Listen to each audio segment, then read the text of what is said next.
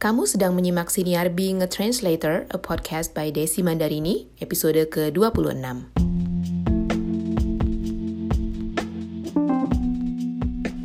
Selamat datang di podcast Being a Translator. Nama saya Desi Mandarini, saya adalah penerjemah dan juru bahasa lepas untuk pasangan bahasa Inggris Indonesia. Saya memulai karier sebagai pengajar bahasa Inggris, kemudian tidak sengaja terjun ke dunia penerjemahan, dan akhirnya memutuskan memilih untuk menekuni profesi sebagai penerjemah dan juru bahasa lepas hingga saat ini. Selamat datang kembali di Siniar Being a Translator.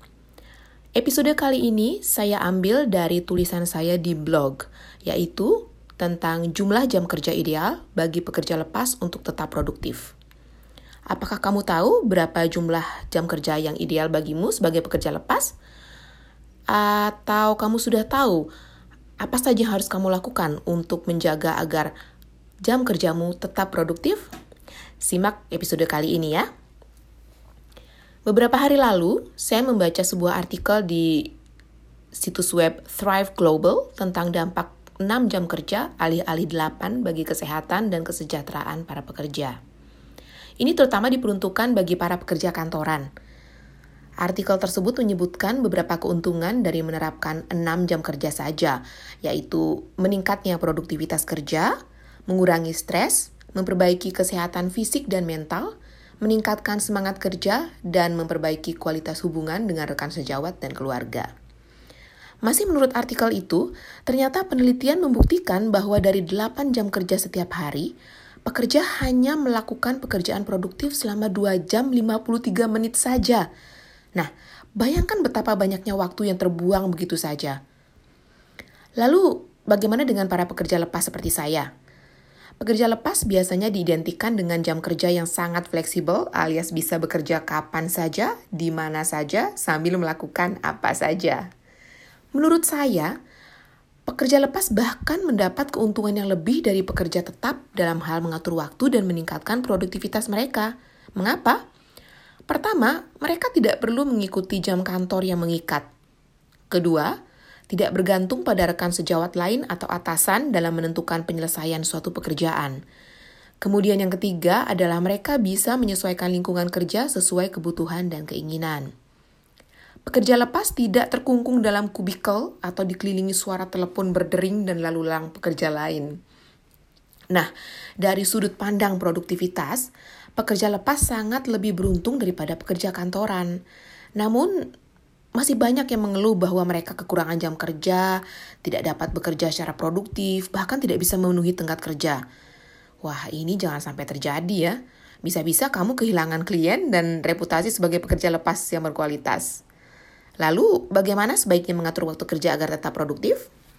Kamu bisa mulai dengan memperhatikan jadwal kerjamu selama seminggu atau sebulan yang lalu.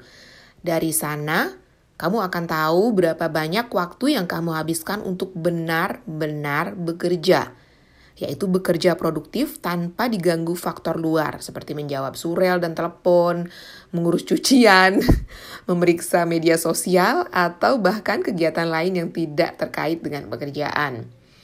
Kamu akan tahu apakah kamu paling produktif di pagi hari, siang hari, atau bahkan malam hari saat semua orang sudah tertidur lelap. Nah, berdasarkan pengamatanmu itu, kamu kemudian bisa membuat jadwal kerja yang tentu saja disesuaikan dengan kondisi di rumah dan proyek yang sedang kamu kerjakan.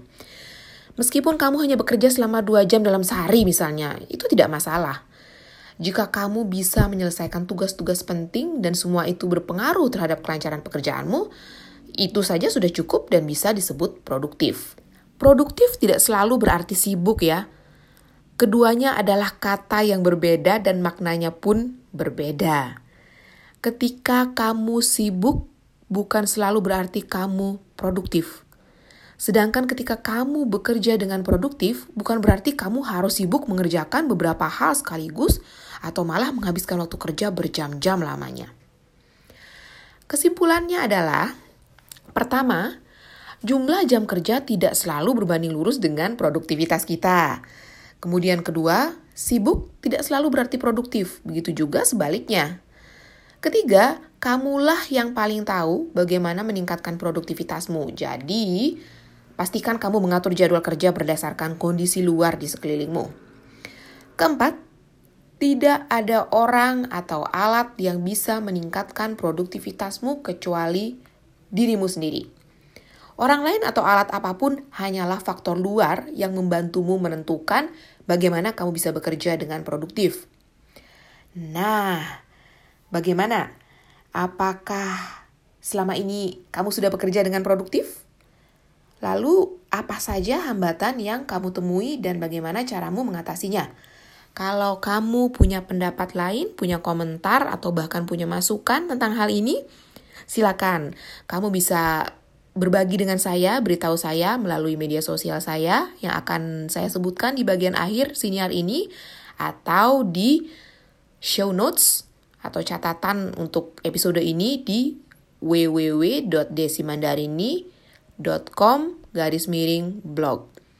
Sekian dulu untuk episode kita kali ini. Terima kasih banyak sudah masih bersedia menyimak siniar saya. Dan sampai jumpa di episode berikutnya minggu depan.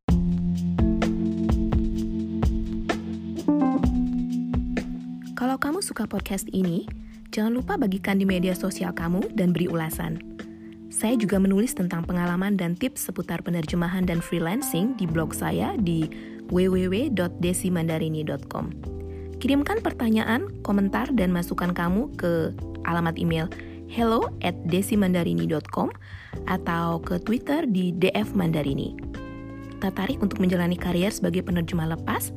Atau sekadar ingin tahu lebih banyak tentang keseharian penerjemah dan juru bahasa saat bekerja? Ikuti Instagram saya di Desi Mandarini. Sampai jumpa di episode berikutnya dan salam sukses!